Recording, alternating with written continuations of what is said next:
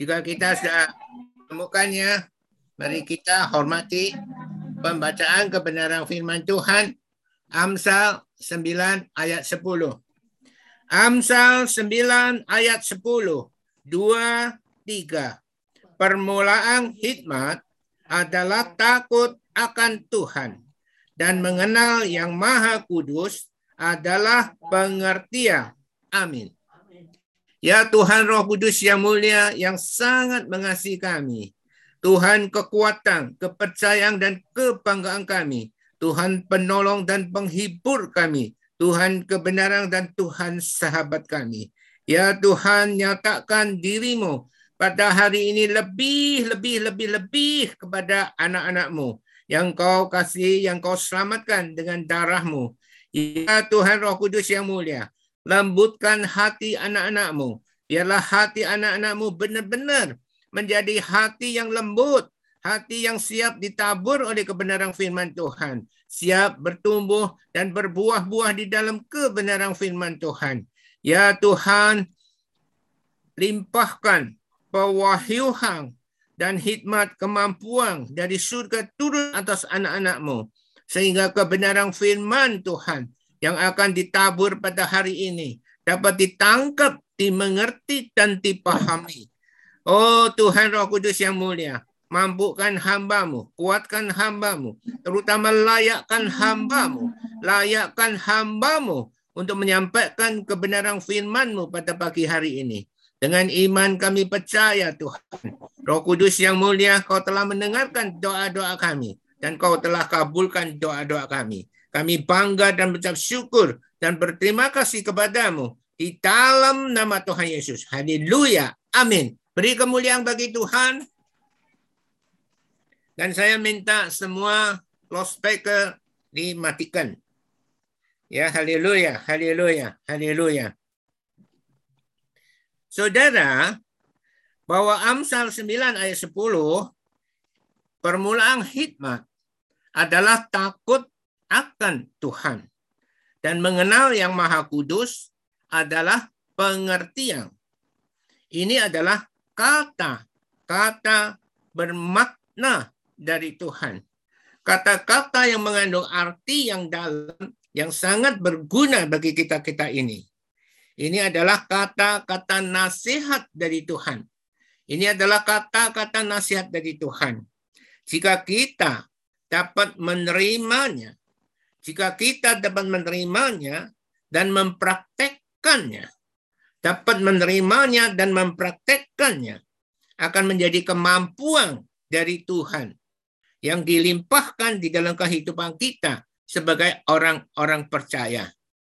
Ya Tuhan, ya saudara, jika kita dapat menerimanya dan mempraktekkannya, itu akan menjadi kemampuan dari Tuhan yang dilimpahkan di dalam kehidupan kita sebagai orang-orang percaya.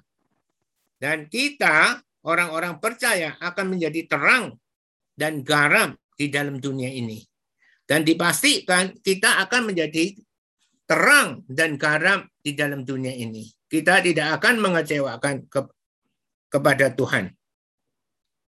Sekarang pertanyaannya, maukah saudara-saudara mendengarkan kata-kata makna Tuhan ini kata-kata nasihat Tuhan ini, yaitu Amsal 9 ayat 10, mulaan hikmat adalah takut akan Tuhan dan mengenal yang maha kudus adalah pengertian. Sekali lagi, apakah hikmat itu? Supaya kita lebih hari lebih mengerti apakah hikmat itu. Sehingga kita tidak salah tangkap salah mengartikan kata hikmat itu. Apakah hikmat itu? Hikmat adalah kemampuan untuk menggunakan pengetahuan dengan benar dan di dalam setiap keadaan. Jadi saudara lebih baik dicatat supaya saudara ingat apakah hikmat itu? Hikmat adalah kemampuan. Saudara tahu kemampuan? Kemampuan untuk menggunakan pengetahuan dengan benar, bukan dengan salah, dengan benar di dalam setiap keadaan. Itu adalah kemampuan Tuhan. Jika kita bisa mendapatkan kemampuan Tuhan, maka kita akan berjalan atau bertindak seperti Tuhan. Kemampuan Tuhan. Dan hikmat dan hikmat terdiri dari dua bagian. Maka saudara harus ingat bahwa hikmat terdiri dari dua bagian. Yang pertama adalah logika yang Tuhan berikan ya yang adalah logika yang Tuhan berikan kepada kita. Saudara sudah dijelaskan minggu kemarin apa logika. Logika itu adalah nalar. Kalau bahasa bahasa Jawanya adalah nalar. Kita mempunyai nalar kalau kita di tempat yang dingin, kita bawa yang baju yang tebal-tebal, ya bawa selimut yang tebal, itu kita nalarnya jalan, logikanya jalan. Ya, tetapi kalau kita hanya pergi pakai kaos oblong, tidak membawa selimut, tidak membawa jaket dan sebagainya, nah, nalar kita tidak jalan. Ya, saudara, sekarang banyak orang yang naik sepeda motor, entah itu tren atau gimana, mereka pakai sepeda motor berjalan dengan 70-80 km per jam, tetapi mereka hanya pakai kaos oblong. Maka tangan yang berotot mereka kelihatan. Kelihatan gagah sekali. Tetapi mereka, paru-paru mereka, karena kalau saudara pernah naik sepeda motor, saudara akan merasakan angin yang begitu kencang yang terus menghembus atau menabrak saudara. Dan paru-parunya akan terus ditembus oleh angin dan paru-parunya akan kena sakit, yaitu sakit yang penuh air di dalam paru-paru. Dan itu kalau disuntik sakit sekali. Ya sekarang banyak orang yang tidak buka punya nalar, tetapi mereka punya tren dunia ini. Sedang dunia ini trennya sedang menuju kebinasaan. Ya, ini adalah logika, nalar. Ya. Jadi hikmat terdiri dari dua bagian. Yang pertama adalah logika yang Tuhan berikan kepada kita. Yang kedua adalah kemampuan. Kemampuan adi kodrati atau karunia Tuhan. Kalau kita mempunyai karunia Tuhan, berarti Roh Kudus sudah ada di dalam hati kita. Sehingga Roh Kudus bisa memberikan kita karunia. Karunia penyembuhan, karunia berkata-kata dengan pengetahuan. Saudara bisa baca nanti di 1 Korintus 12 ayat 1 sampai selanjutnya itu karunia karunia Tuhan. Jadi yang kedua adalah kemampuan adikodrati atau karunia Tuhan. Maka orang yang dekat dengan Tuhan Roh Kudus maka karunia Tuhannya akan lebih hari lebih dilimpahkan di dalam hidupnya. Ini adalah hikmat kemampuan Tuhan. Dan apa yang dinamakan talenta itu, kadang saudara mendengarkan tentang talenta. Ini talenta ini bukan secara hurufiah yang disebut oleh Tuhan Yesus tentang ya lima talenta, dua talenta, dan satu talenta. Bukan maksud ini. Ini adalah untuk perumpamaan saja. Ya, oke. Okay? Tetapi apakah talenta itu? Ya, talenta itu adalah sebelum kita percaya. Perhatikan. Sebelum kita percaya, sudah mempunyai suatu kemampuan sejak lahirnya. Ya, mungkin itu pandai menggambar, Mungkin itu pandai menyanyi, mungkin pandai itu menari, mungkin itu pandai memasak. Jadi sejak lahirnya dia mempunyai kemampuan. Ya kalau dia pandai memasak, dia pandai me menganalisa bumbu apa yang dimasukkan, bumbu apa dalam ya masakan itu. dari bau masakan itu. Dia bisa tahu bumbu apa yang ada di dalamnya. Dan lain sebagainya. Intinya adalah sebelum kita percaya kepada Tuhan, sejak lahir kita mempunyai kemampuan yang menonjol. Itulah yang dinamakan talenta. Sekali lagi jangan salah paham, talenta yang Tuhan Yesus sebut untuk perumpamaan lima talenta, dua talenta dan satu talenta itu itu tidak tidak mengartikan talenta itu, tetapi itu akan membandingkan ya antara orang yang mendapat lima talenta, orang yang mendapat dua talenta, orang yang mendapatkan satu talenta, bagaimana sikap mereka setelah mereka mendapat lima talenta, dua talenta, dan satu talenta itu. Jadi ini bukan seperti yang kita bahas talenta ini. Tetapi talenta ini adalah artinya adalah satu kemampuan sejak kita lahir sebelum kita percaya, kita sudah punya kemampuan itu. Yang menonjol. Amin. Saudara sekarang bisa mengerti antara talenta dan karunia Tuhan. Saudara jelas? Amin. Amin. Contoh seperti pemimpin saudara. Dia pergi ke Surabaya mau mendoakan pamannya. Tetapi di samping itu dia ber, berbicara dengan ya family-familinya.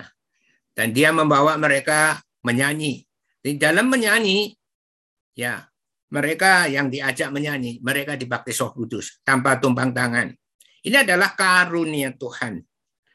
Ya, jika pemimpin saudara menghargai ya karunia Tuhan ini, dia akan menggunakan karunia Tuhan ini. Dia akan membaptis orang sekalipun jarak jauh. Umpamanya Jogja dengan Taraang, Kalimantan, Jogja dengan Pontianak. Dia tidak takut untuk membaptis orang itu dalam baptisan Roh Kudus. Ya, mungkin dia menyanyi di dalam telepon, orang yang mendengarkan itu akan dibaptis Roh Kudus. Jadi ini adalah karunia Tuhan. Ya, kemampuan adi kodrati dari Tuhan. Ya, dan dan dan yang lainnya. Tetapi talenta sebelum kita percaya pada Tuhan, sejak lahir kita mempunyai ya mempunyai kelebihan yang khusus ya mungkin menyanyi, menari, menggambar, memasak dan lain sebagainya. Sekarang setelah kita mengerti hikmat itu apa, setelah kita mengerti talenta itu apa, setelah kita mengerti bahwa hikmat itu ada dua bagian, satu logika Tuhan, yang satu adalah karunia Tuhan, maka sekarang pertanyaannya, pertanyaan sekarang adalah, maukah kita menerima hikmat kemampuan Tuhan itu? Maukah kita menerima hikmat kemampuan Tuhan itu? Seperti Amsal ya 9 ayat 10. Permulaan hikmat adalah takut akan Tuhan. Pertanyaannya adalah, maukah kita menerima hikmat kemampuan Tuhan itu? Saudara, apa yang dinamakan permulaan hikmat adalah takut akan Tuhan. Apa yang dimaksud permulaan hikmat adalah takut akan Tuhan. Apa arti takut akan Tuhan? Apa artinya takut akan Tuhan di dalam Amsal 19 Amsal 9 ayat 10 itu? Apakah Tuhan sangat menyeramkan sekali? Karena Tuhan sangat menyeramkan sekali sehingga kita takut. Apakah seperti itu? Ternyata Tuhan menyatakan siapa Allah itu? Allah itu adalah kasih. Jika Allah adalah kasih, Kenapa kita harus takut akan Tuhan? Bukankah Allah mengasihi kita? Kenapa kita takut akan Tuhan? Dan apa arti takut akan Tuhan itu? Jadi saudara mau mengerti? Amin. Saudara, jadi tadi sudah jelas. Sekarang saya ulang lagi hikmat adalah kemampuan untuk menggunakan pengetahuan dengan benar dalam setiap keadaan. Itu adalah kemampuan Tuhan.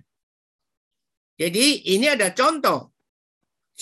Jika kita bisa merasa senang mendengarkan khotbah-khotbah ekspositori yang benar, sekalipun keras dan tanpa tedeng aling-aling, kita merasa ditumbuhkan. Itu adalah kita telah mendapat kemampuan Tuhan. Jika saudara bisa merasakan itu, merasa ditumbuhkan, saudara mendapat kemampuan Tuhan. Kebanyakan yang terjadi itu ketika kita telah dibaptis Roh Kudus. Sebelum kita dibaptis Roh Kudus, ketika kita mendengarkan khotbah ekspositori yang benar, kita kadang menyangkal atau kita tidak bisa menerima. Saudara mengerti? Tetapi setelah saudara dibaptis Roh Kudus, maka saudara mempunyai kemampuan yaitu karunia Tuhan. Saudara bisa mengerti ya kebenaran-kebenaran firman Tuhan yang disampaikan kepada saudara. Itu adalah kemampuan. Ini saya tambahkan tentang kemampuan. Ya, saudara. Saudara mengerti? Amin. Maka jika setelah dibaptis Roh Kudus saudara lebih mudah mendengarkan kebenaran firman Tuhan, yaitu karena saudara mendapatkan kemampuan Tuhan, yaitu karunia Tuhan untuk mendengarkan kebenaran firman Tuhan dengan benar. Dan kita kembali lagi, apa arti takut akan Tuhan itu? Apakah Tuhan sangat menyeramkan sekali? Ya. Saudara, Allah adalah kasih. Ini jelas sekali di satu Yohanes. Saudara bisa lihat bahwa Allah adalah kasih. Tetapi kenapa kita harus takut akan Tuhan kalau Allah adalah kasih? Sekarang mari kita lihat contoh yang paling konkret. Yaitu bangsa Israel. Kita melihat contoh bangsa Israel kembali. Saudara, Alkitab itu banyak ya dari perjanjian lama itu menceritakan ya satu sejarah bangsa Israel. Terjadinya bangsa Israel. Sebetulnya bukan bangsa Israel pertama. Mereka adalah bangsa Yahudi. Tetapi karena Abraham dia taat dan percaya kepada apa yang Tuhan katakan, maka kepercayaan Abraham itu dianggap kebenaran. Maka keturunan dari Abraham itu mendapat berkat. Maka keturunan yang kedua adalah Ishak. Ishak tetap mempertahankan percaya kepada ya Allah, Allahnya Abraham. Maka berkat jatuh kepada Yakub. Karena Yakub juga percaya kepada Allahnya Abraham dan Ishak, maka dia diberkati dan keturunannya diberkati. Dan karena Yakub sangat percaya pada berkat Tuhan dan tidak pernah mau melepaskan berkat Tuhan, maka ketika dia tarung dengan Tuhan dan malaikat, dia menang. Maka dia dijuluki kau adalah Israel. Maka keturunan Yakub menjadi bangsa Israel. Ini adalah sejarah bangsa Israel.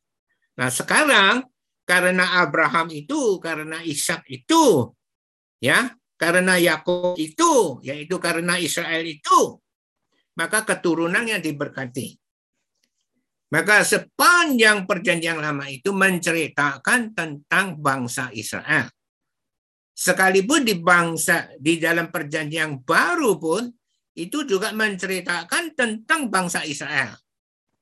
Maka bangsa Israel itu adalah satu contoh yang Tuhan berikan kepada umat manusia di dunia ini, entah engkau dari bangsa mana, bahwa ini adalah contoh yang baik untuk kita perhatikan, untuk kita pelajari, untuk kita jaga-jaga. Jangan sampai kita melakukan kesalahan yang sama seperti bangsa Israel. Maka kita lihat tentang bangsa Israel Ya, sejarahnya kita bisa lihat Keluaran 32 ayat 1 sampai 10. Ya, Keluaran Keluaran 32 ayat 1 sampai ayat 10. Mari kita lihat ya, apa Alkitab catat tentang bangsa Israel. Ketika bangsa itu, yaitu bangsa Israel melihat bahwa Musa, yaitu pemimpin bangsa Israel, mengundur-ngundurkan turun dari gunung itu, itu adalah anggapan bangsa Israel. Sebetulnya Musa bukan sengaja mengundur-ngundur turun dari gunung Sinai. Karena Musa dipanggil oleh Tuhan ya di gunung Sinai selama 40 hari 40 malam dan Musa yang lahir di zaman keluaran, tetapi Musa bisa menulis kitab kejadian. Yaitu bagaimana Tuhan menciptakan manusia pertama-tamanya. Yaitu kitab kejadian. Di dalam 40 hari 40 malam itu, Tuhan menceritakan kejadian kepada Musa. Dan akhirnya Musa menulis kitab kejadian itu. Jadi kita bisa melihat bahwa bukan Musa mengundur-undurkan turun dari gunung itu, bukan. Tetapi Tuhan masih mau bicara kepada Musa. Cukup 40 hari, 40 malam. Ketika bangsa itu, yaitu bangsa Israel melihat bahwa Musa mengundur-undurkan turun dari gunung itu, maka berkumpullah mereka mengerumuni Harun.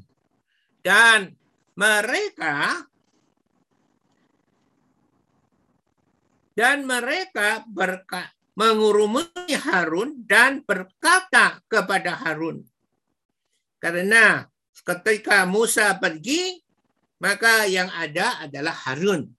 Seperti pasar sekarang di Singapura. Tidak bisa pulang ke Jogja maka pemimpin saudara adalah Ibu Yeni dan ya saudara Daniel Silalahi.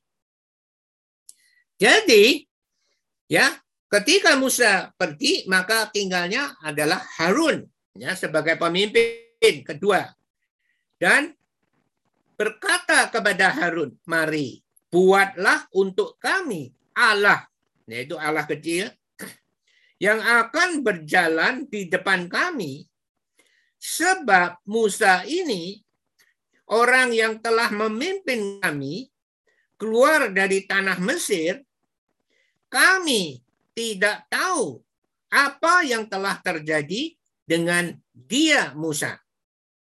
Lalu berkatalah Harun kepada mereka. Harun tidak menasihati mereka, suruh nunggu, nunggu Musa. Lalu berkatalah Harun kepada mereka, yaitu kepada bangsa Israel, tanggalkanlah anting-anting emas yang ada pada telinga istrimu, anakmu laki-laki dan perempuan. Dan bawalah semuanya kepadaku Harun. Lalu seluruh bangsa itu menanggalkan anting-anting emas yang ada pada telinga mereka dan membawanya kepada Harun.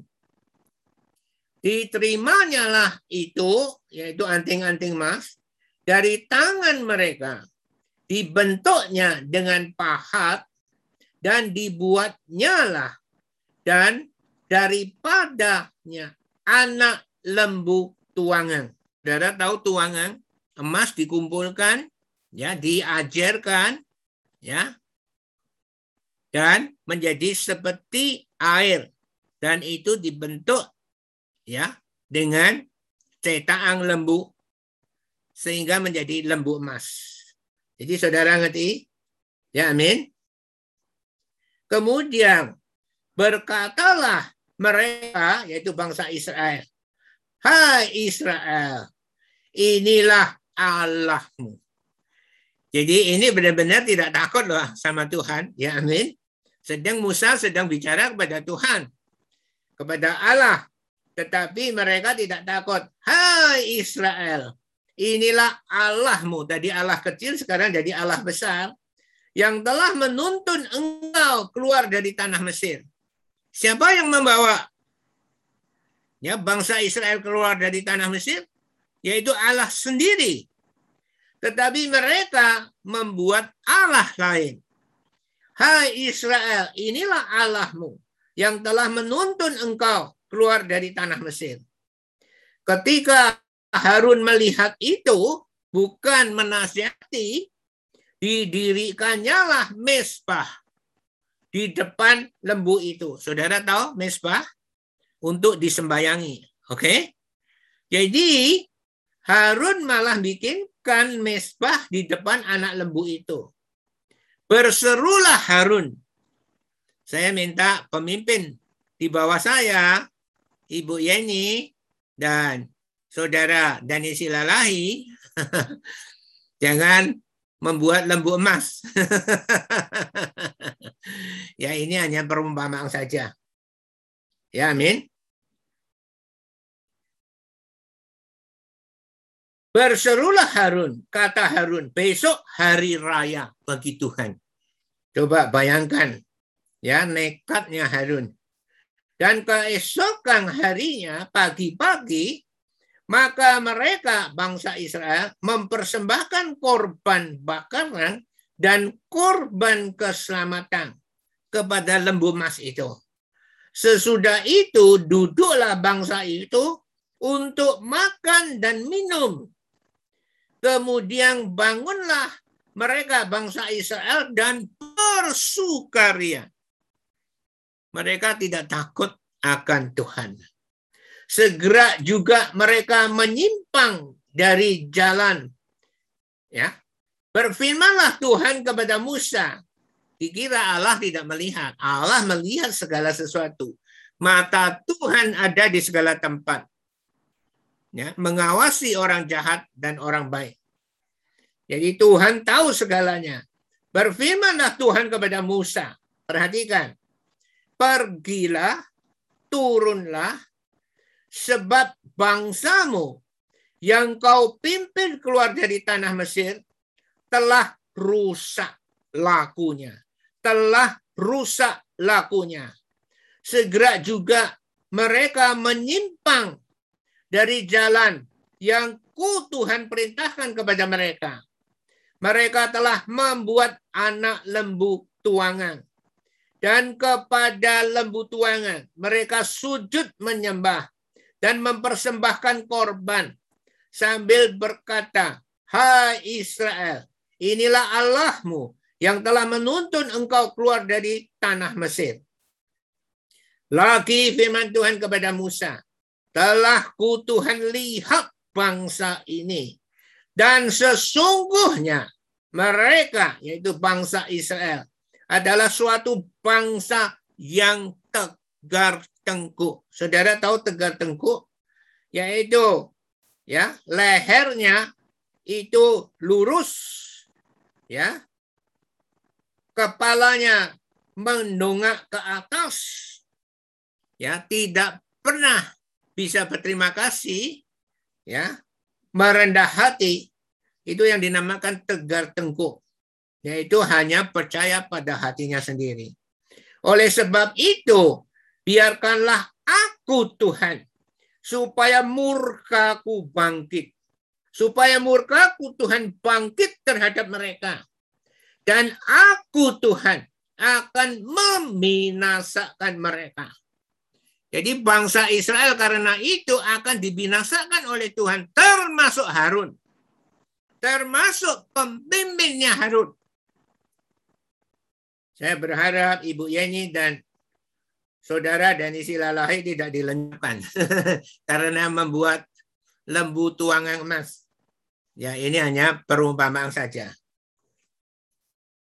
Saudara mengerti? Tetapi engkau Musa akan ku Tuhan buat menjadi bangsa yang besar. Jadi Tuhan kalau marah, maka akan dilenyapkan. Tetapi Musa yang tetap taat akan dibangun ya menjadi satu bangsa yang besar dari Musa. Saudara, sekarang saudara bisa melihat di sini bahwa bangsa Israel ya terang-terangan tidak takut akan Tuhan. Adakah amin? Adakah amin? Bahwa bangsa Israel ya tidak tak dengan terang-terangan tidak takut akan Tuhan. Adakah amin? Ya saudara, bangsa Israel tidak pernah berterima kasih kepada Tuhan. Perhatikan, bangsa Israel tidak pernah, tidak pernah sekalipun satu kali saja, tidak pernah berterima kasih kepada Tuhan. Bagaimana Tuhan dengan tanda heran sepuluh tulah yang dahsyat Saudara tahu sepuluh tulah yang dahsyat?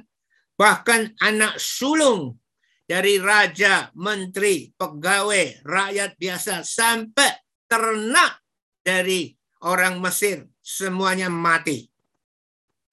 Itulah sebabnya ya, tetapi anak sulung dari Israel dan ternaknya, sulung dari ternaknya tidak ada yang mati. Itulah sebabnya anak sulung itu adalah kepunyaan Tuhan. Jika saudara adalah anak sulung, saudara punya Tuhan, bukan punya orang tua saudara. Secara jasmani adalah punya orang tua saudara. Tetapi secara rohani, saudara harus mau dipakai oleh Tuhan. Karena saudara adalah diselamatkan dari tulah ke-10, yaitu matilah seluruh anak sulung yang di Mesir. Dan mereka tidak pernah berterima kasih kepada Tuhan. Bagaimana Tuhan dengan tanda heran sepuluh tulah yang dahsyat. Bagaimana bangsa Israel berjalan di tengah-tengah laut. Di tanah yang kering. Di tengah-tengah laut tetapi berjalan di tanah yang kering. Adakah di dunia ini terjadi? Ya, bagaimana pasukan Firaun ditenggelamkan di tengah-tengah laut.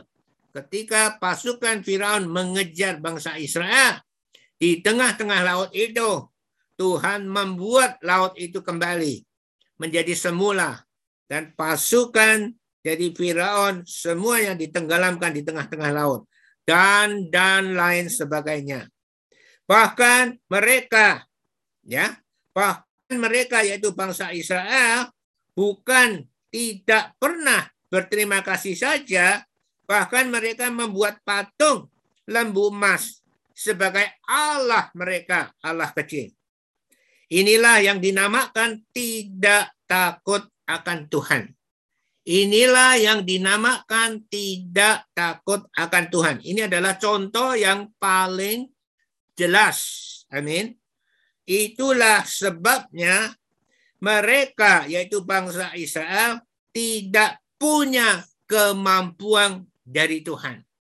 Itu sebabnya ya bangsa Israel tidak mempunyai kemampuan Tuhan. Saudara mengerti? Tidak mempunyai logika dari Tuhan, ya mereka tidak mempunyai kemampuan itu selama 40 tahun dipelihara Tuhan di padang gurun dengan tidak kurang satu apa pun. Mereka pengen daging setiap hari diberi daging puyuh. Mereka minta makan, mereka diberi mana setiap hari selama 40 tahun. Dan mereka dipelihara ya tidak kurang Baju mereka tidak pernah kurang sekalipun mereka tidak ada mesin jahit. Mereka tidak bisa bikin baju baru selama 40 tahun. Tetapi baju mereka cukup. Dan sandal mereka tidak pernah kekurangan selama 40 tahun. Ya. Dan mereka dibawa ke tempat tanah perjanjian, yaitu tanah Kanaan. Dan musuh-musuh mereka yaitu musuh-musuh bangsa Israel, dihalau oleh Tuhan dan dilenyapkan oleh Tuhan. Bahkan matahari pun berhenti bergerak hampir satu hari. Matahari berputar ya terhadap ya bumi, tetapi pergerakan matahari dihentikan oleh Tuhan hampir satu hari. Ya, sampai musuh-musuh orang Israel dilenyapkan. Baru matahari itu bergerak kembali. Diberi Yesus yang melakukan banyak mujizat. Bahkan kalau mujizat-mujizat itu ditulis di dalam buku, dunia ini pun tidak dapat menampung buku-buku itu. Betapa banyaknya mujizat-mujizat yang Tuhan Yesus lakukan. Dan akhirnya Yesus sebagai Mesias, sebagai juru selamat itu pun mereka bunuh. Bukan mereka menerimanya, tetapi mereka bunuh.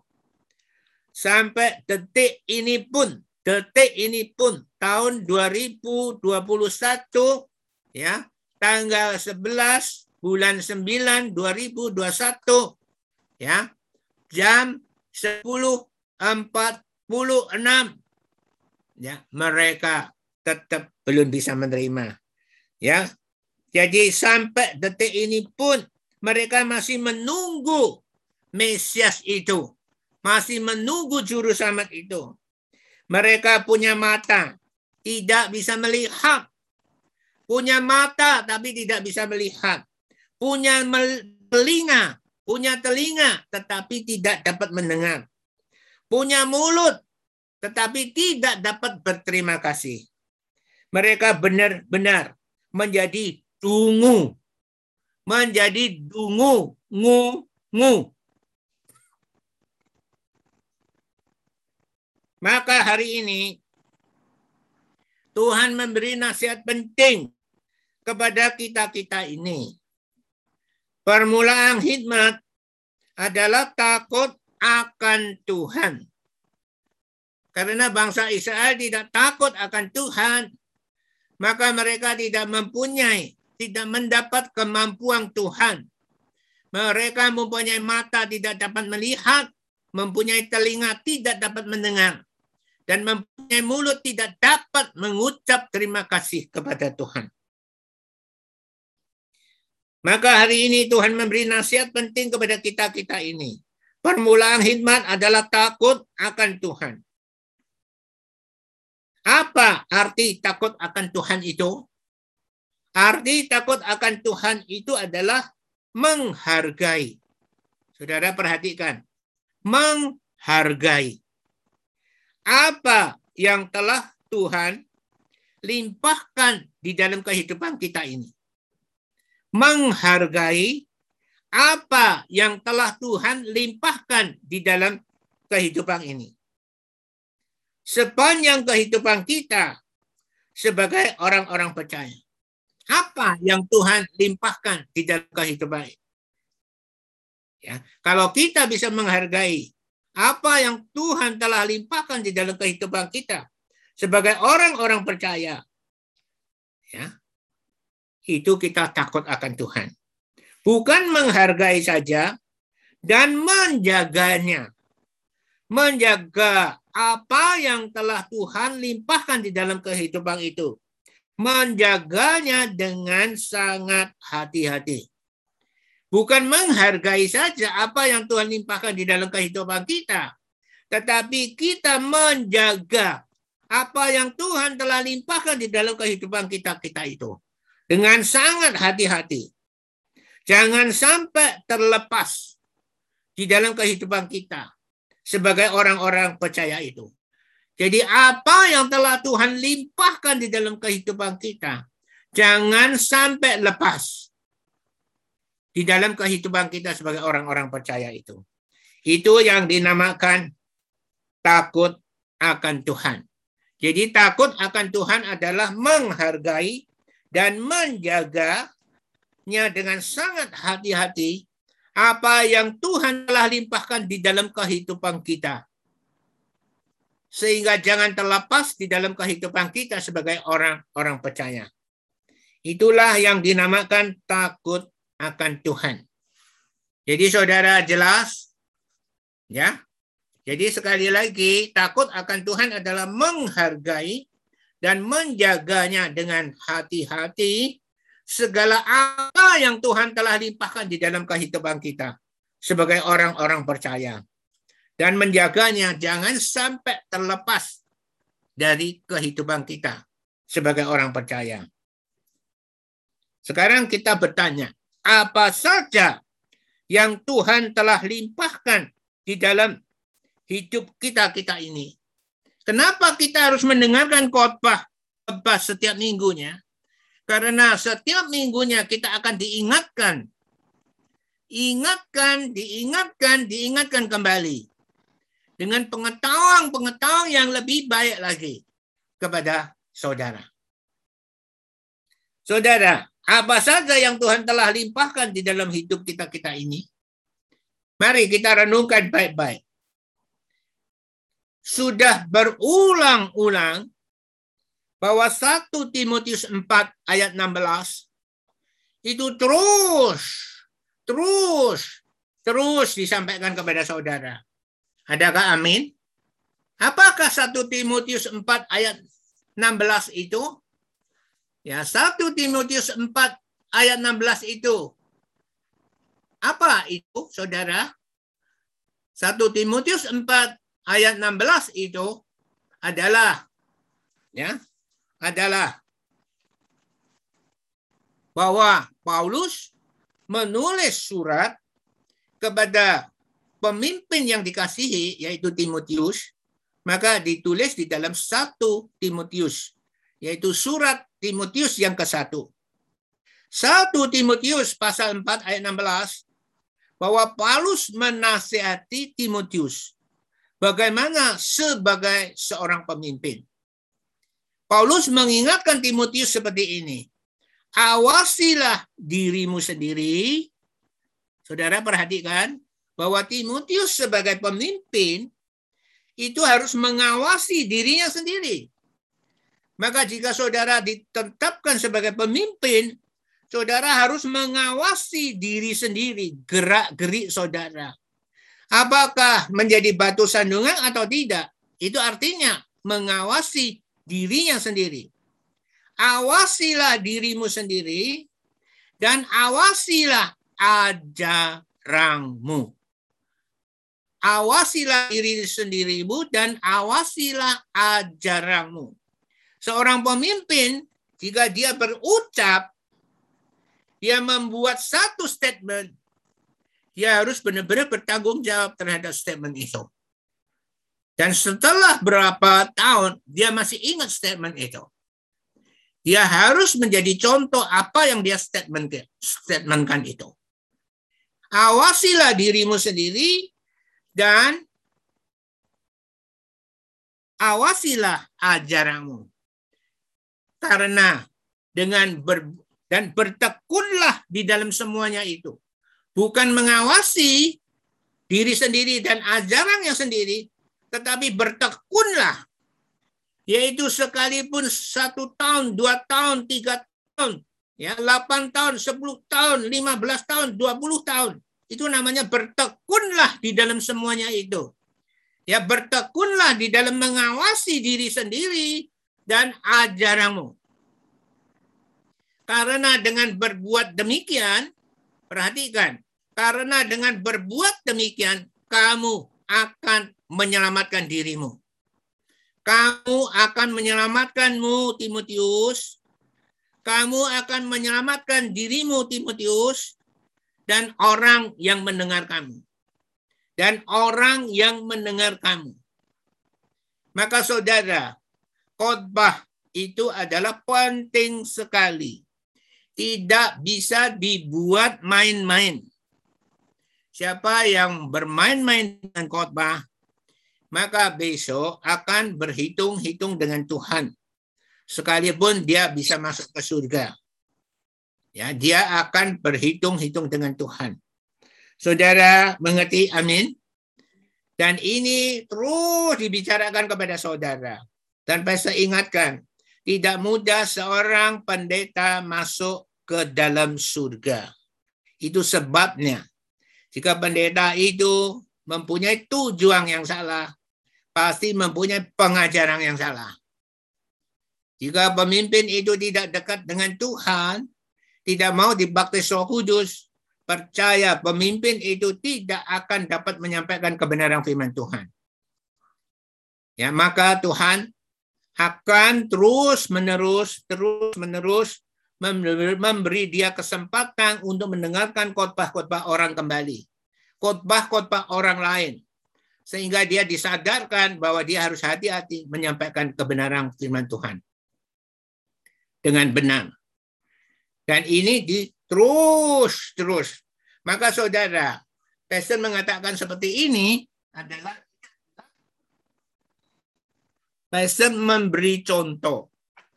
Jika pastor tidak sungguh-sungguh menyampaikan kebenaran firman Tuhan kepada saudara, tidak membedah kebenaran firman Tuhan kepada saudara, maka pastor akan menghadapi 1 Timotius 4 ayat 16. Sebetulnya khotbah hari ini ini bukan Amsal 9 ayat 10. Tetapi adalah Amsal yang lain. Tetapi ketika terus pastor berdoa, berdoa, Tuhan memberi pewahyuan kepada pastor pada hari ini, sampaikanlah Amsal 9 ayat 10 ini. Jadi ini dari pewahyuan Tuhan, pastor mewakili Tuhan untuk menyampaikan isi Tuhan kepada saudara. Maka pastor harus hati-hati, pastor harus terus berdoa, minta pewahyuan untuk dapat disampaikan dengan benar. Ini apa yang disampaikan sekarang baru setengahnya. Jadi 1 Timotius 4 ayat 16, saudara mengerti atau tidak mengerti? Atau sudah 7, 4, 7 sampai 10 kali saudara mendengarkan 1 Timotius 4 ayat 16? Berarti saudara di dalam keadaan dijamin kebenaran firman Tuhan akan disampaikan dengan benar kepada saudara. Ini adalah apa yang sudah saudara terima dari Tuhan. Dan bukan 1 Timotius 4 ayat 16 saja, tetapi Tuhan sambung 1 Timotius 5 ayat 17. Tuhan sambung 1 Timotius 5 ayat 17. Penatua-penatua yang baik pimpinannya patut dihormati dua kali lipat. Perhatikan penatua-penatua atau gembala-gembala. Penatua-penatua yang baik pimpinannya patut dihormati dua kali lipat. Terutama mereka yang dengan jerih payah. Terutama mereka yang dengan jerih payah menyampaikan khotbah dan pengajaran. Saudara, khotbah setiap minggu dengan satu kelompok yang sama. Saudara, itu bukan satu hal yang mudah. Jika saudara mau mencoba, saudara bisa merasakan.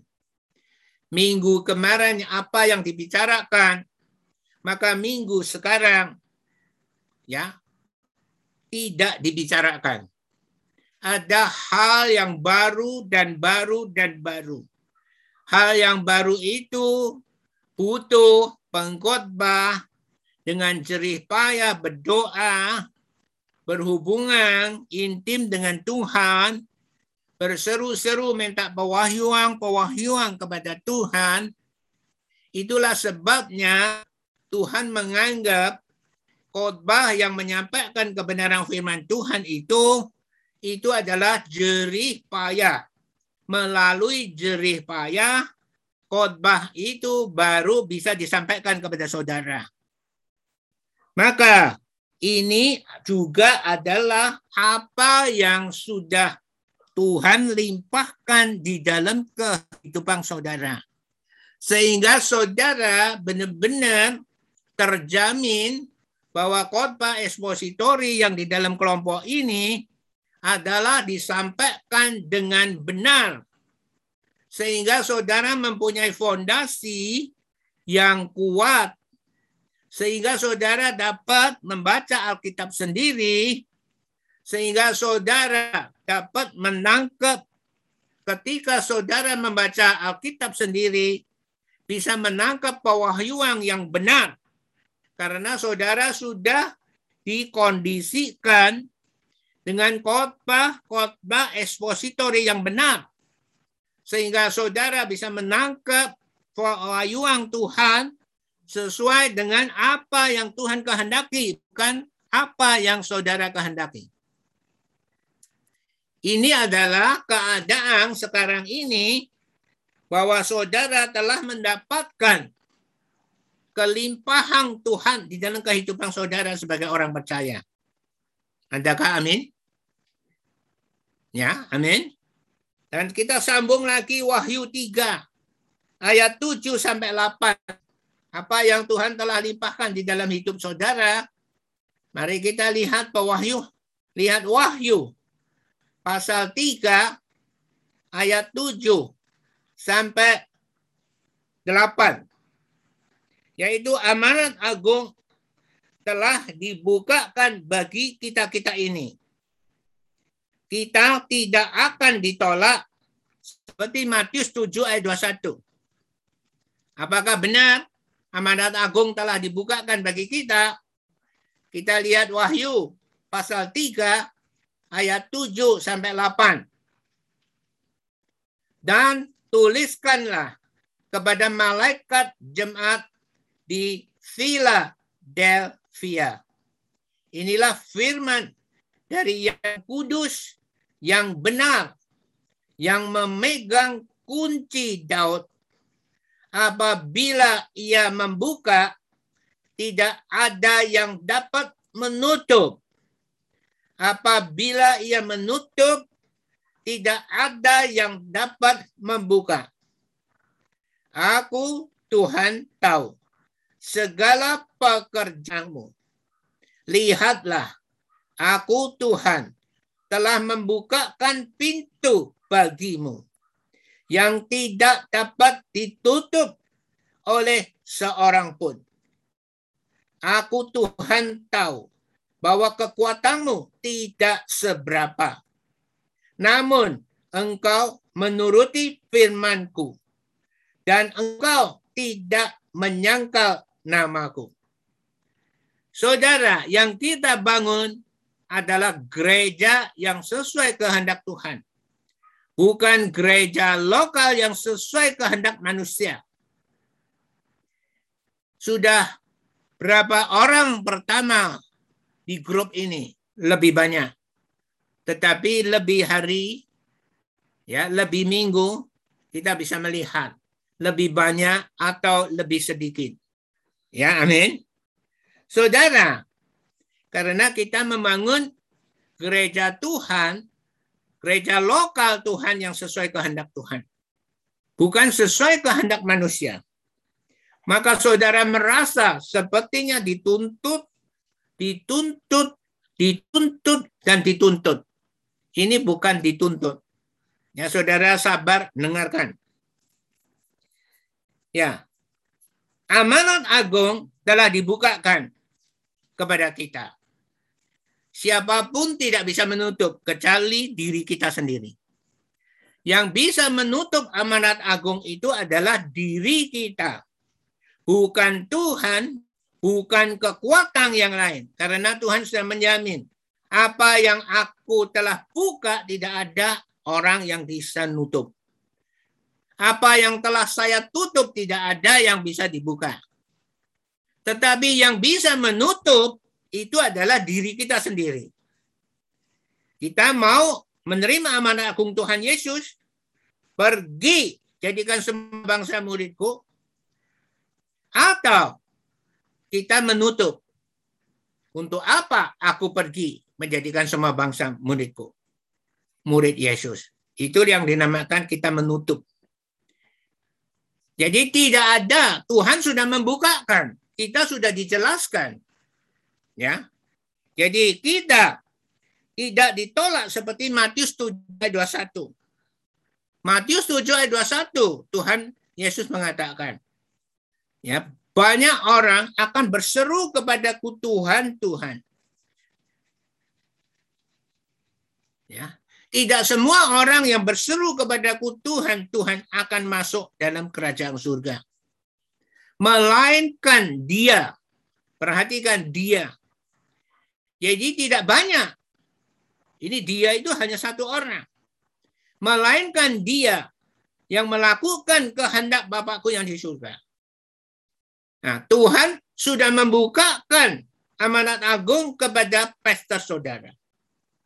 Sekarang pesta saudara mengajar dengan sungguh-sungguh kepada saudara.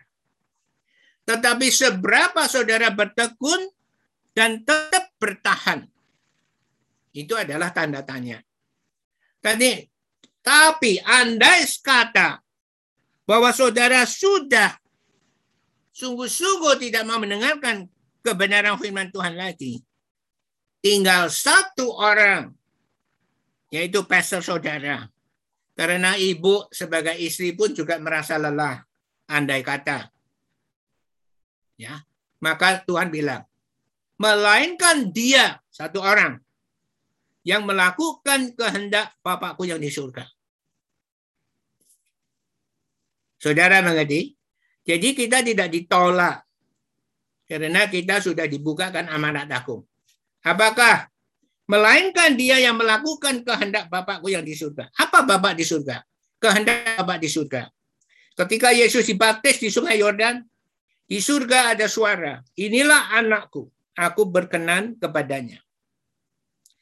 Ketika Yesus membawa tiga murid yang sangat handal, yaitu Petrus, Yakobus, dan Yohanes.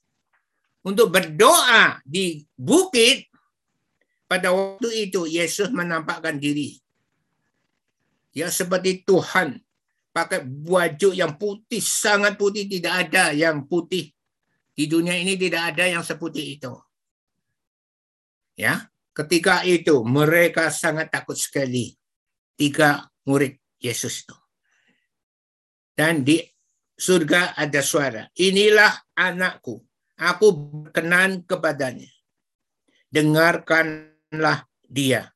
Dengarkanlah anakku. Yaitu Yesus yang aku berkenan. Dan apa yang kata, yang dikatakan Yesus. Ya karena kekuasaan yang di surga di bumi yang sudah di tangan Yesus. Karena itu pergilah. Jadikanlah semua bangsa muridku. Ini adalah perintah Yesus. Ini adalah namanya amanat. Perintah agung. Amanat agung. Ya. Atau tugas yang agung. Saudara mengerti? Amin. Amin. Nah, ini sudah dibukakan di dalam grup ini. Bukankah saudara terus mendengarkan tentang amanat agung? Amin. Tetapi saudara mungkin ada bertanya-tanya. Loh, Pastor, saya bingung. Ya, bingung apa? Sekarang, apakah orang jahat yang disalib di sebelah Yesus itu, dia juga telah melakukan kehendak Bapakku yang di surga? Ini pertanyaan, saudara penjahat itu tidak melakukan amanat agung Tuhan Yesus. Adakah amin? Amin. Apakah dia telah melakukan kehendak Bapak di surga? Ini pertanyaan saudara. Saudara pernah bertanya? Ini banyak orang bertanya. Waduh, mati aku. Ya. Tetapi orang jahat itu yang di sebelah Yesus itu masuk surga tidak? Masuk. Karena Yesus sendiri yang mengatakan, sesungguhnya pada hari ini engkau akan bersama-sama dengan aku di Firdaus. Jelas nggak? Sesungguhnya Tuhan Yesus bukan bukan bilang ya bukan ketok ketoang ya itu bahasa bahasa Jawanya tidak sungguh-sungguhan sesungguhnya engkau hari ini akan bersama-sama dengan aku di Firdaus. Kenapa? Karena penjahat itu dia berkata kepada penjahat yang mengejek Yesus. Kamu kenapa tidak takut pada Allah?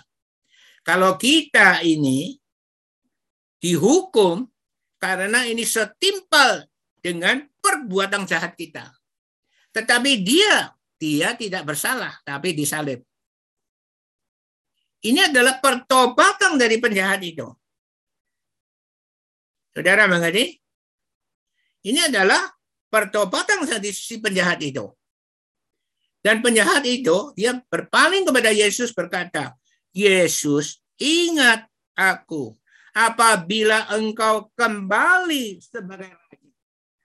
Dia percaya bahwa Yesus akan kembali sebagai raja kerajaan surga. Dia penjahat tidak tahu tentang rohani. Tetapi orang yang ribuan orang di depan mereka, di depan Yesus, di depan penjahat itu berdebat soal Yesus. Dia jadi ambil keputusan, dia menerima. Yesus, ingat aku. Ingat akan aku apabila kau kembali sebagai raja. Dia menaruh pengharapan kepada Yesus sebagai kerajaan surga. Maka Yesus bilang, sesungguhnya hari ini juga engkau bersama-sama dengan aku di Firdaus. Maka penjahat itu adalah termasuk kecuali dia yang melakukan kehendak Bapakku yang di surga. Loh, kok gitu? Bukankah aku juga sudah mengaku Yesus sebagai Kristus dan Tuhan? Kenapa penjahat itu dia berhak. Dia melakukan kehendak Bapak di surga. Kenapa aku tidak? Nah, maka saudara dengarkan. Ya, jangan pejamkan mata saudara. Ya, amin. Saudara, apakah penjahat itu melakukan kehendak Bapak di surga? Apa kehendak Bapak di surga? Di dalam satu Yohanes pasal 1 ya ayat 10 sampai 12. Siapa Yesus? Yaitu firman yang telah menjadi manusia. Di dalam ayat 10 disebut, dia telah datang ke dalam dunia. Yaitu firman yang telah menjadi manusia itu telah datang ke dalam dunia. Dunia dijadikan olehnya. Jadi dunia ini dijadikan olehnya, diciptakan olehnya. Tetapi dunia tidak mengenalnya. Ia datang kepada milik kepunyaannya. Tetapi orang-orang kepunyaannya tidak menerimanya.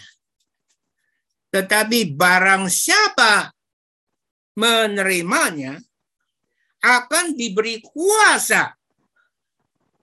Supaya apa? supaya menjadi anak-anak Allah. Sekarang penjahat ini dia mau nggak? Ya, mau nggak dia percaya? Dia percaya bahwa ini adalah kehendak Bapa di surga. Yohanes 3 ayat 16. Betapa besar kasih Allah akan dunia ini. Sehingga ia telah mengaruniakan anaknya yang tunggal supaya setiap orang yang percaya kepadanya tidak binasa melainkan beroleh hidup yang kekal. Ini adalah kehendak Bapak di surga. Adakah amin? supaya setiap orang yang percaya kepadanya tidak binasa, melainkan beroleh hidup yang kekal. Ini adalah kehendak Bapa di surga. Maka kalau bukan penjahat itu saja, ada orang yang selama ini hampir 80 tahun dia tidak percaya. Tetapi ketika dia sakit keras di rumah sakit, ketika dia masih ada senggang waktu satu hari, Tuhan memberi kesempatan. Biasa orang yang masuk rumah sakit yang mau mati, dia dikasih kesempatan. Pada satu hari itu, sungguh-sungguh dia sepertinya mau sembuh. Tetapi ternyata bukan. Setelah kita mengira dia mau sembuh, tahu-tahu besok mati. Nah ini adalah tanda bahwa Tuhan itu sangat mengasihi umat manusia. Sekalipun dia sakit keras pun dikasih kesempatan untuk satu hari. Untuk bisa diberitakan Injil. Supaya dia menerima Injil dan diselamatkan. Dan orang yang sakit itu ditanya, apakah Om pernah berdosa? Ya. Apakah Om tidak mampu menebus dosa Om sendiri? Ya. Dan Yesus itu adalah Tuhan menjelma menjadi manusia. Dia yang mau menanggung dosa umat manusia. Maukah Om menerima? Mau. Dan om itu didoakan dan menerima Yesus. Setelah dua jam dia mati. Nah, dia melakukan kehendak Bapak di surga. Melakukan. Supaya setiap orang yang percaya kepadanya tidak binasa, melainkan beroleh hidup yang kekal. Nah, saudara bilang, oh, aku seperti itu aja. Sekarang aku biasa-biasa saja. Minggu bisa dengar, minggu bisa tidak dengar. Aku mau seperti orang tua itu saja, seperti om itu. Nanti ketika saya sakit keras, ada orang yang menginjili aku, dan aku bisa mengaku kembali, dan aku diselamatkan. Saudara, Tuhan melihat iman kita berdasarkan level kita kita sudah di level yang mana. Kalau kita di level TK seperti orang jahat itu, seperti orang yang sakit walaupun sudah 8 tahun 80 tahun itu itu adalah level yang sangat ya level yang paling rendah yang paling tidak bisa rendah lagi kalau dia bisa menerima dia sudah melakukan dialah ya, ya melainkan dia yang melakukan kehendak Bapakku yang di surga. Kehendak Bapak di surga supaya semua orang diselamatkan. Adakah amin? Tetapi level kita, level kita di mana saudara? Level kita di 1 Petrus 2 ayat 2. Kita ini di level 1 Petrus 2 ayat 2. Kita telah diajar 1 Petrus 2 ayat 2. Jadilah seperti bayi yang selalu haus akan air susu yang murni dan yang rohani. Supaya olehnya, oleh susu yang murni dan yang rohani itu, kau bertumbuh dan diselamatkan. Jadi, posisi kita ini adalah posisi ditumbuhkan kita tidak bisa kita minta ya setelah kita puluhan tahun bahkan kita melayani Tuhan sudah puluhan tahun kita mau kembali kepada bayi seperti orang jahat itu seperti om yang sakit sampai sudah umur 80 tahun masih belum percaya itu kita tidak mungkin kembali lagi mundur ke sana saudara maka Tuhan akan menentukan iman kita berdasarkan level kita Nah, level saudara itu cukup tinggi. Maka saudara, siapa yang diberkati lebih banyak, maka dia akan dituntut lebih banyak. Ya, amin. Maka saudara perhatikan. Dan bukan kita di dalam 1 Petrus 2 ayat 2, bahkan di sekarang kita ini, di dalam gereja lokal yang siap memenuhi amanat agung Tuhan Yesus. Apakah kita bisa mundur lagi seperti di dalam level iman seperti penjahat itu? Tidak bisa, saudara. Kita dapat, sekarang pertanyaannya, kita dapat menghargai yang semuanya ini dengan hati-hati, menjaganya dengan baik-baik, seperti Wahyu pasal 3 ayat 11? Maukah ya, apakah kita bisa ya menghargai semuanya ini? Kita di dalam sekarang di dalam keadaan di dalam amanat agung Tuhan Yesus level kita. Apakah kita dapat menghargai semuanya ini? Dan dengan hati-hati menjaganya dengan baik-baik seperti Wahyu 3 ayat 11 mari kita lihat Wahyu 3 ayat 11 Ya, kita lanjutkan Wahyu 3 ayat 7 sampai 8 tadi. Ya, bagaimana Tuhan berfirman?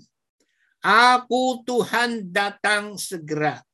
Peganglah apa yang ada padamu. Peganglah apa yang ada padamu, yaitu amanat agung Tuhan Yesus. Supaya tidak seorang pun mengambil mahkotamu. Supaya jangan ya, supaya tidak seorang pun mengambil mahkotamu. Saudara, ini adalah keadaan kita. Ya, kalau kita bisa menghargai apa yang Tuhan telah limpahkan di dalam kehidupan kita, ya, kita menjaganya dengan baik, sangat hati-hati supaya jangan terlepaskan. Itu namanya takut akan Tuhan. Jika kita takut akan Tuhan, maka hikmat kemampuan Tuhan ada di dalam diri kita. Jika kita tidak mau, maka hikmat kemampuan Tuhan akan tidak jatuh ke dalam diri kita. Dan saudara, perlu kita ingat, orang-orang yang bisa menghargai dan menjaga segala kebaikan Tuhan selama hidup kita ini, itu adalah arti takut akan Tuhan. Orang-orang yang bisa menghargai dan menjaga segala kebaikan Tuhan selama hidup kita ini, itu adalah arti takut akan Tuhan. Jika kita punya sikap yang benar, maka hikmat kemampuan Tuhan akan dilimpahkan di dalam kehidupan kita-kita ini. Tapi sebaliknya, jika kita tidak mempunyai sikap yang benar terhadap apa yang telah Tuhan, segala kebaikan Tuhan yang dilimpahkan selama hidup kita ini, maka jangankan kita mendapatkan hikmat, permulaannya saja tidak akan mendapat. Itu artinya permulaan hikmat adalah takut akan Tuhan. Jika kita tidak menghargai ya dan menjaga segala kebaikan Tuhan yang telah dilimpahkan di dalam hidup kita ini, maka kita tidak akan mempunyai mendapatkan hikmat. Bahkan permulaannya saja tidak akan mendapat. Maka kita akan mempunyai mata tetapi tidak melihat. Mempunyai telinga tapi tidak mendengar. Dan mempunyai mulut, tapi yang tidak pernah berterima kasih dan bersyukur atas semua kebaikan Tuhan yang telah dilimpahkan di dalam kehidupan kita-kita sebagai orang percaya ini. Tetapi yang ada di dalam mulut kita adalah komplain. Dan komplain, komplain, dan komplain. Bahkan akan mengebaskan baju kita dan mengucapkan bye-bye, bye-bye, dan tidak akan tampil lagi. Saudara mengerti? Saudara, jelas? Amin? Ya, kenapa seperti itu? Ya. 1 Yohanes 4 ayat 20 itu adalah sangat penting. Jika ini di dalam kehidupan pastor adalah sangat penting sekali. Karena firman ini yang membuat pastor akhirnya mau mendengarkan nasihat-nasihat dari anak sulung saya, anak laki yang kedua saya, dan anak-anak yang lain. Dan menerima Yesus sebagai Kristus dan Tuhan di dalam kehidupan pastor. Kenapa? Karena firman ini dengan jelas mengatakan 1 Yohanes 4 ayat 20. Jika kamu berkata, aku mengasihi Allah, tetapi kamu membenci saudaramu, maka kamu adalah pendusta. Wah, itu membuat pastor sangat suka cita sekali. Karena anak sulung laki pastor dengan anak kedua laki itu sering bertengkar dan berkelahi. Uh, itu yang membuat pastor ya sangat ketakutan. Dua-duanya adalah anak pastor. Yang dibela yang nomor satu atau yang bela nomor dua, dua-duanya adalah anak pastor. Tetapi mereka memberi firman kepada pastor, jika kamu berkata ya bahwa kamu mengasihi Allah, tetapi kamu membenci saudaramu sendiri, maka kamu adalah pendusta. Karena tidak mungkin ya orang yang tidak mengasihi saudaranya yang dapat dilihatnya, yang dapat dilihatnya dapat mengasihi Allah yang tidak dilihatnya. Saudara mengerti arti ini? Amin. Saudara bilang mengasihi Allah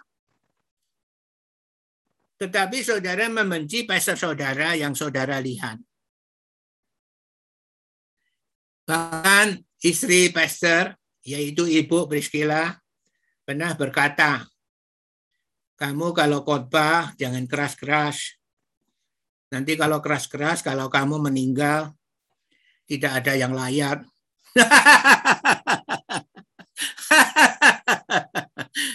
Kalau kamu meninggal tidak ada yang layak. Pastor tidak takut. Tetapi pastor takut sama Tuhan, tidak takut sama manusia. Kalau pastor mati, saudara tidak layak, ya itu nasib pastor. Tetapi tidak merubah kondisi pastor kalau pastor masuk ke surga. Karena Ibrani 9 ayat 27 mengatakan seperti orang ditetapkan untuk mati hanya satu kali saja setelah itu dihakimi. Jadi pastor mau diupacarakan dengan apa saja enggak masalah. Ya upacara yang datang sama ibu ya dan ibu pun enggak nangis malah ketawa. ya itu nasib pastor. ya amin. Tetapi kebenaran firman Tuhan tetap harus disampaikan kepada saudara. Maka jika saudara bilang mengasihi Tuhan, tetapi saudara tidak mengasihi pastor saudara yang selama 21 tahun dengan tekun setiap minggu menyampaikan kebenaran firman Tuhan dengan khotbah ekspositori, dan membedah kitab demi kitab, kitab demi kitab sampai sekarang ini, ya apa boleh buat saudara? Amin. Saudara mengerti? Amin. Amin. Tapi saya percaya Marni masih datang melayat. Dan menangis. Aku kehilangan pastor.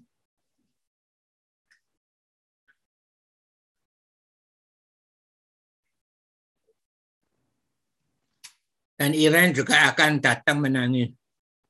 Kenapa pastor begitu cepat pergi? Dan yang Nova juga akan datang. Oh sayang pastor. Aku dengarkan khotbahnya belum cukup. ya ini hanya perumpamaan saja, oke? Okay? Karena saudara tadi terlalu tegang. Oke. Okay. Dan sekarang terus jalan khotbah ini. Sekarang kita lihat satu fakta. Kalau bangsa Israel adalah bangsa pilihan Tuhan, bukan karena bangsa Israel adalah bangsa yang baik kelakuannya. Kelakuannya sangat tidak baik. Mereka bertengkar, iri hati, saling membunuh. Ya. Jadi, kalau bangsa Israel adalah bangsa pilihan Tuhan, bukan karena bangsa Israel adalah bangsa yang baik kelakuannya, tetapi karena anugerah Tuhan, mereka dipilih menjadi bangsa pilihan. Mereka dapat anugerah Tuhan, ya pemberian Tuhan karena Abraham, Isa dan Yakub. Ya, yang sangat mengasihi Tuhan, yang berpercaya kepada apa yang dikatakan oleh Tuhan. Mereka mendapat anugerah Tuhan. Nyoh, dan mereka tahu-tahu mendapat anugerah keselamatan Tuhan. Mereka dipilih menjadi bangsa pilihan. Tetapi sekalipun seperti itu bangsa Israel gagal. Adakah amin? Karena tidak pernah takut akan Tuhan. Mereka tidak pernah takut akan Tuhan. Itulah sebabnya bangsa Israel gagal. Ya, bagaimana dengan kita-kita ini? Kita-kita ini orang percaya adalah orang-orang yang diangkat sebagai anak-anak Allah. Yaitu satu Yohanes pasal 1 ayat 10 sampai 20. Tetapi ya, mereka yang menerimanya dalam namanya akan diberi kuasa supaya menjadi anak-anak Allah.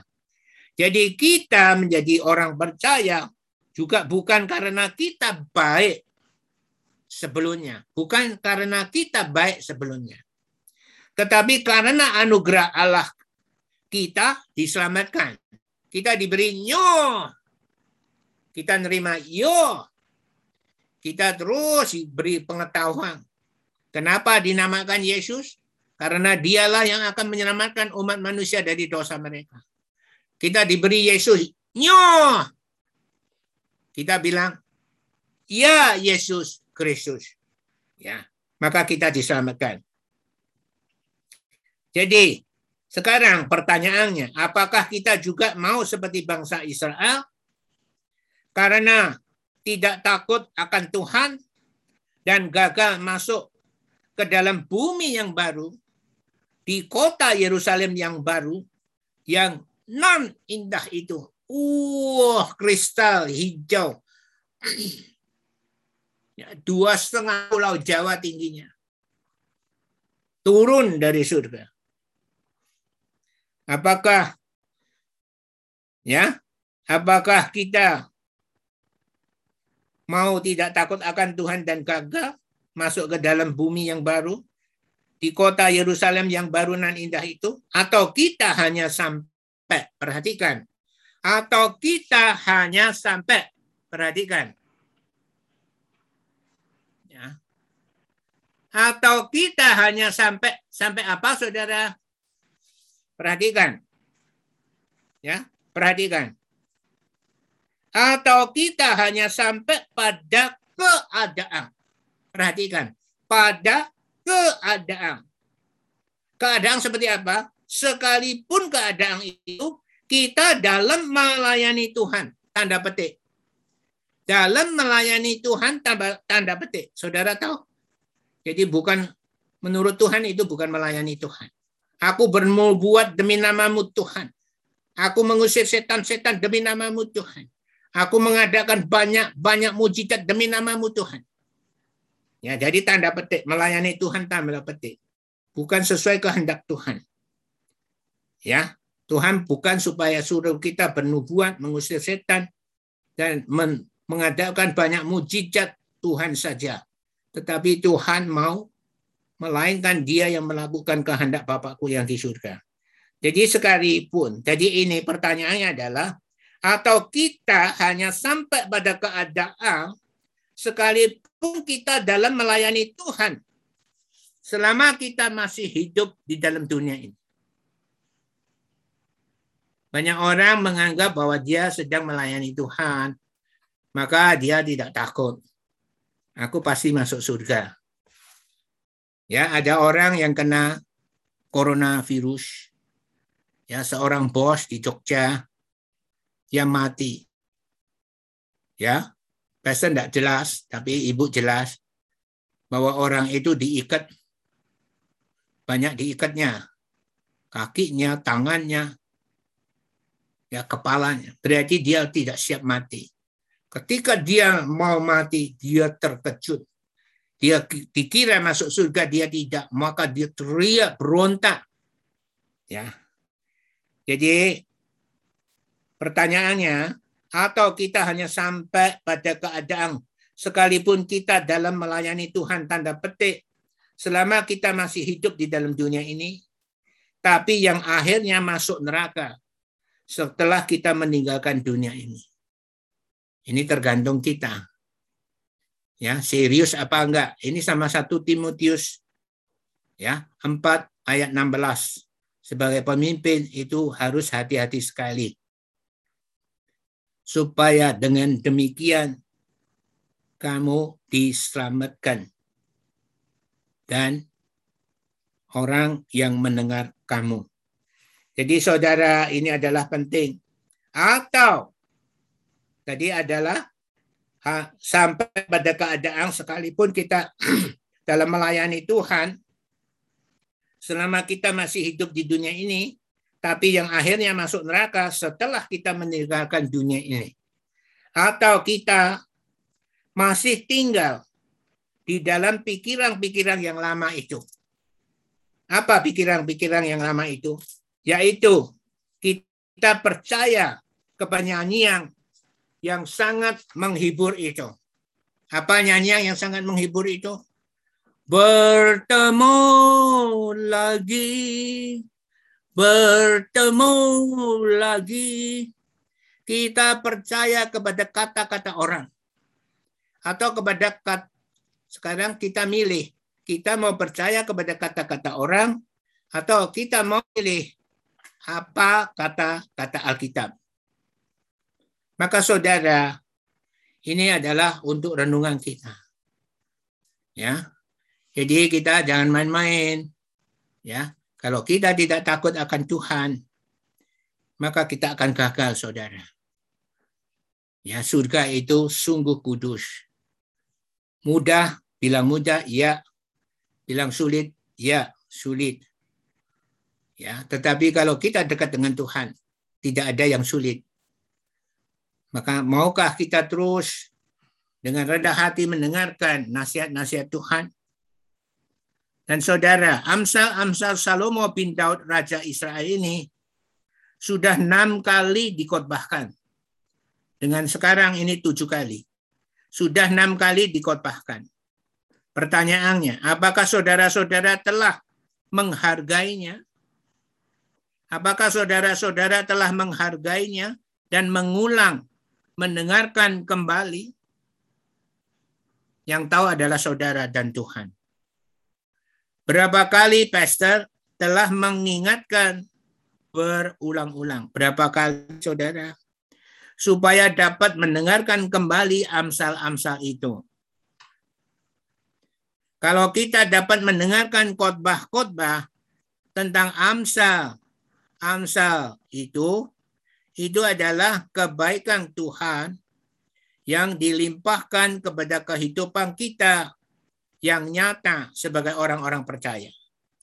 Kalau kita sekarang dapat mendengarkan khotbah-khotbah tentang Amsal, yaitu sudah sampai tujuh kali ini, itu adalah kebaikan Tuhan yang dilimpahkan kepada kehidupan kita sebagai orang percaya.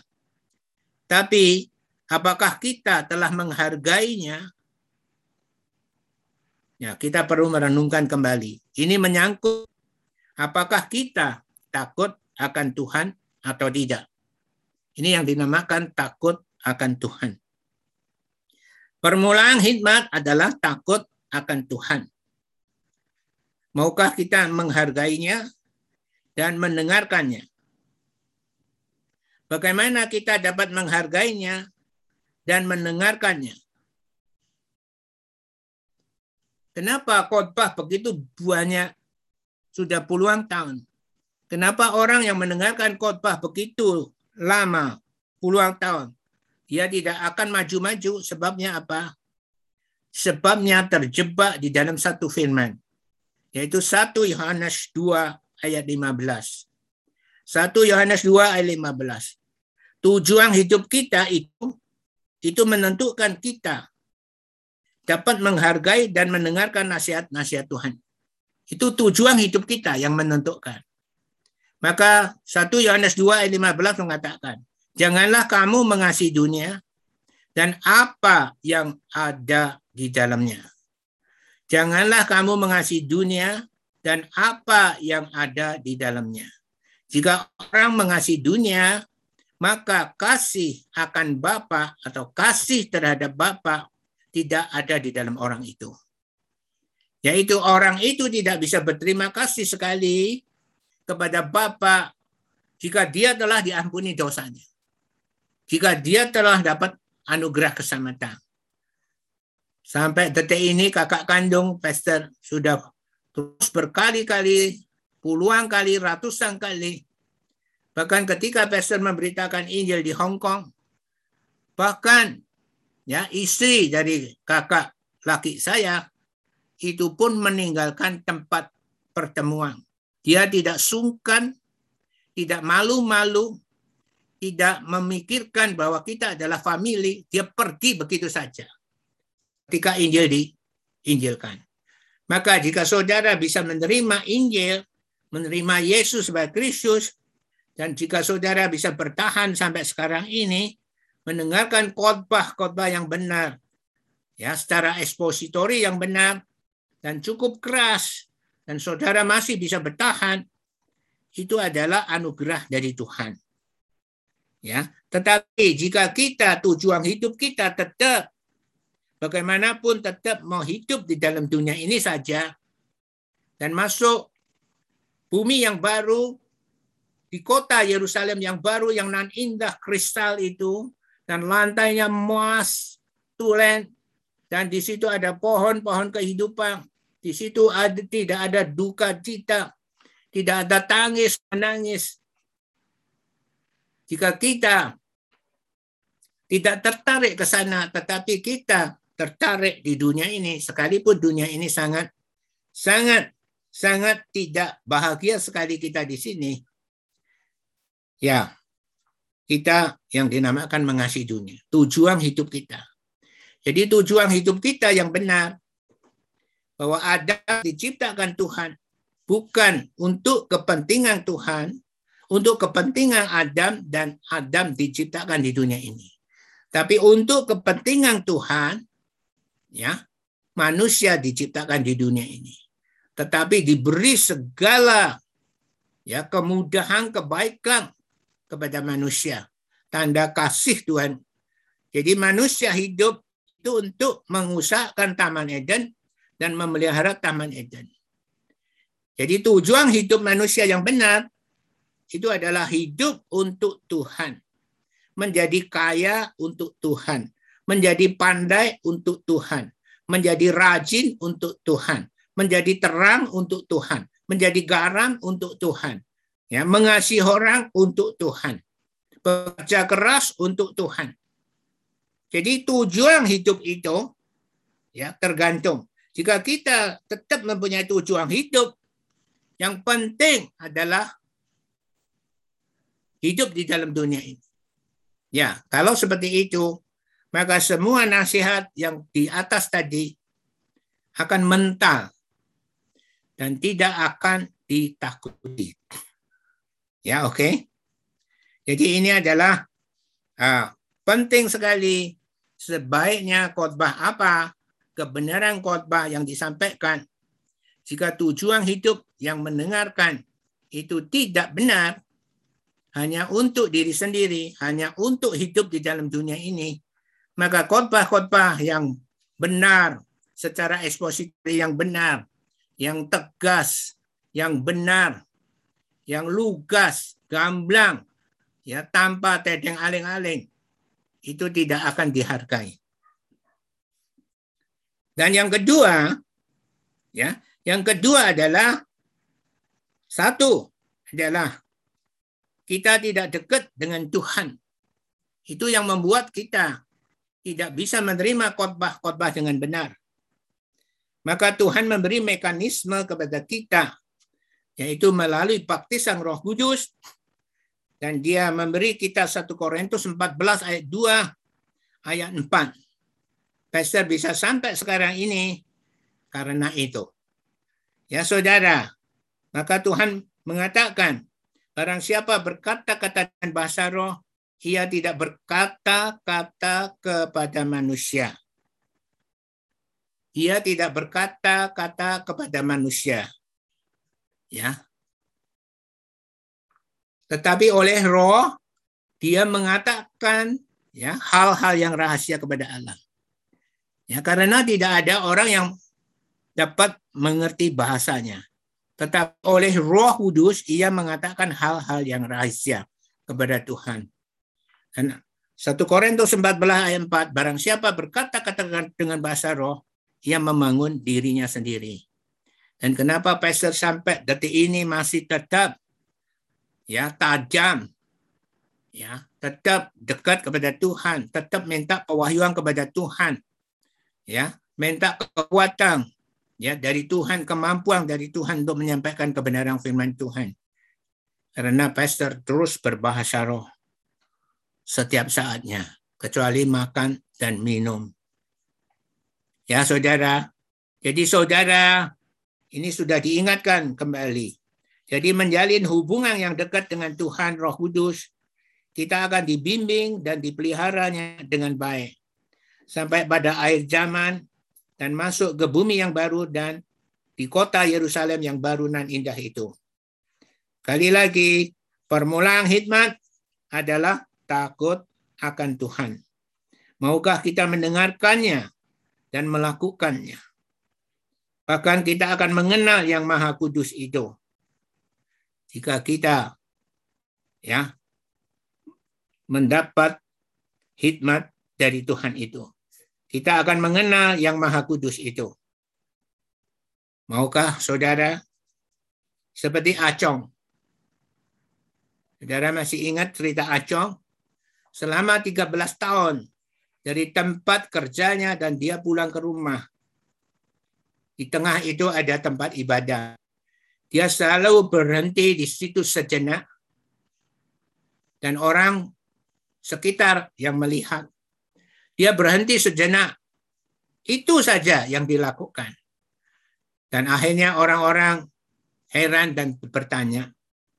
Dan apa yang kau katakan kepada Tuhan setiap kali kamu berdiri tempat ibadah itu. Dan Acong adalah seorang Hokkien. Ya, saudara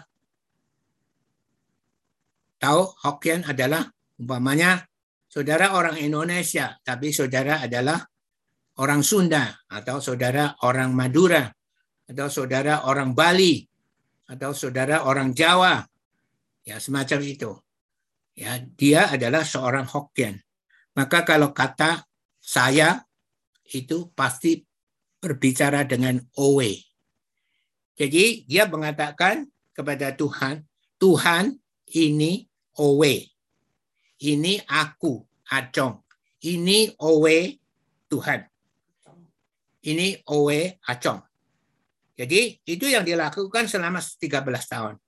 Dan pada satu hari Acong sakit. Dan dia nunggu Tuhan. Kenapa Tuhan tidak datang-datang? Dia berdoa terus. Dia nunggu Tuhan untuk menyembuhkan dia. Nah, pada satu malam dia mendengar suara Tuhan. Tuhan berbicara seperti ini. Acong ini owe Tuhan.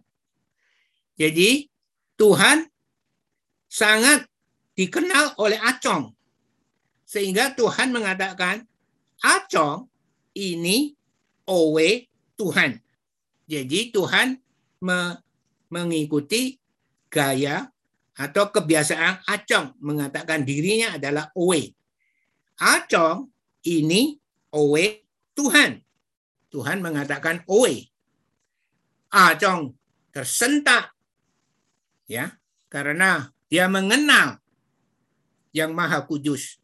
Oh, itu Tuhanku. Ini yang dinamakan mengenal yang maha kudus adalah pengertian. Maka jika saudara mengenal ya, kalau saudara takut akan Tuhan, maka saudara akan mendapatkan hikmat kemampuan dari Tuhan. Dan saudara akan lebih hari lebih mengasihi Tuhan. Ternyata di dalam renungan saudara, saudara merenungkan ya dan pastor sekarang diingatkan ketika umur 11 tahun kelas 6 SD atau 11 setengah. Hampir mati di batang dagen. Ya mau ditabrak super band jaraknya hanya kurang 10 cm kalau nabrak mati sudah. Tapi kok super band itu bisa berhenti?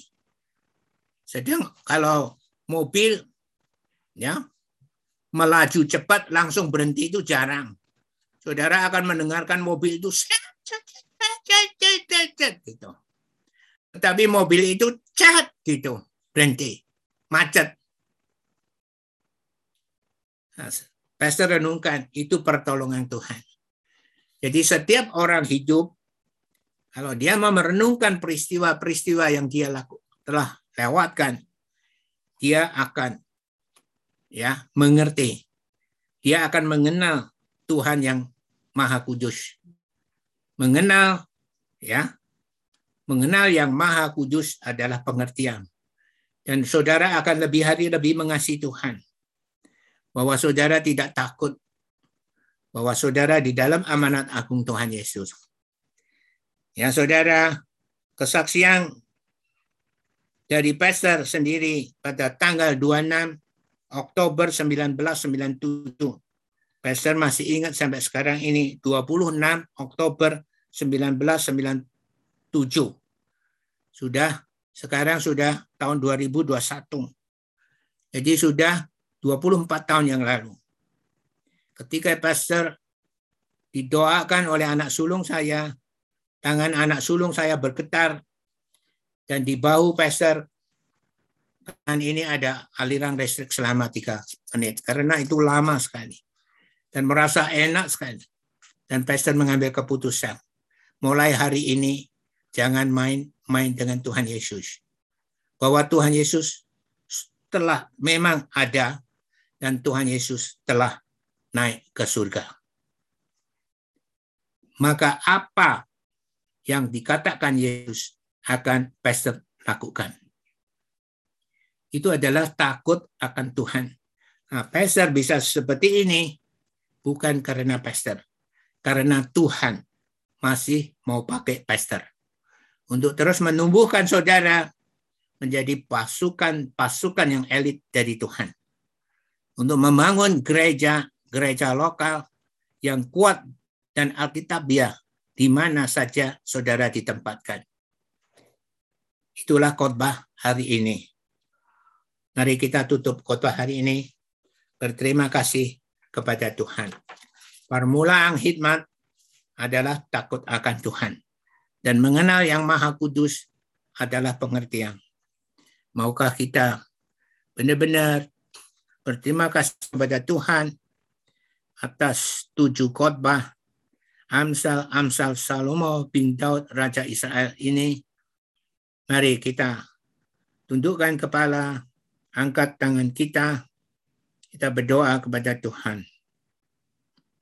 Tuhan, kami sungguh berterima kasih dan bersyukur atas kebenaran-kebenaran firman Tuhan yang minggu demi minggu yang ditabur di dalam kehidupan kami.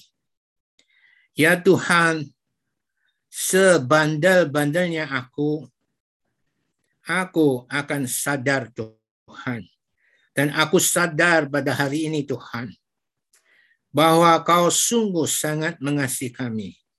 Kau meletakkan kami di tempat di mana aku diberi kesempatan yang seluas-luasnya aku dapat bertumbuh dan menjadi alatmu yang dapat kau gunakan dengan sebesar-besarnya di dalam sisa hidup aku sebagai orang percaya. Tuhan, ini aku.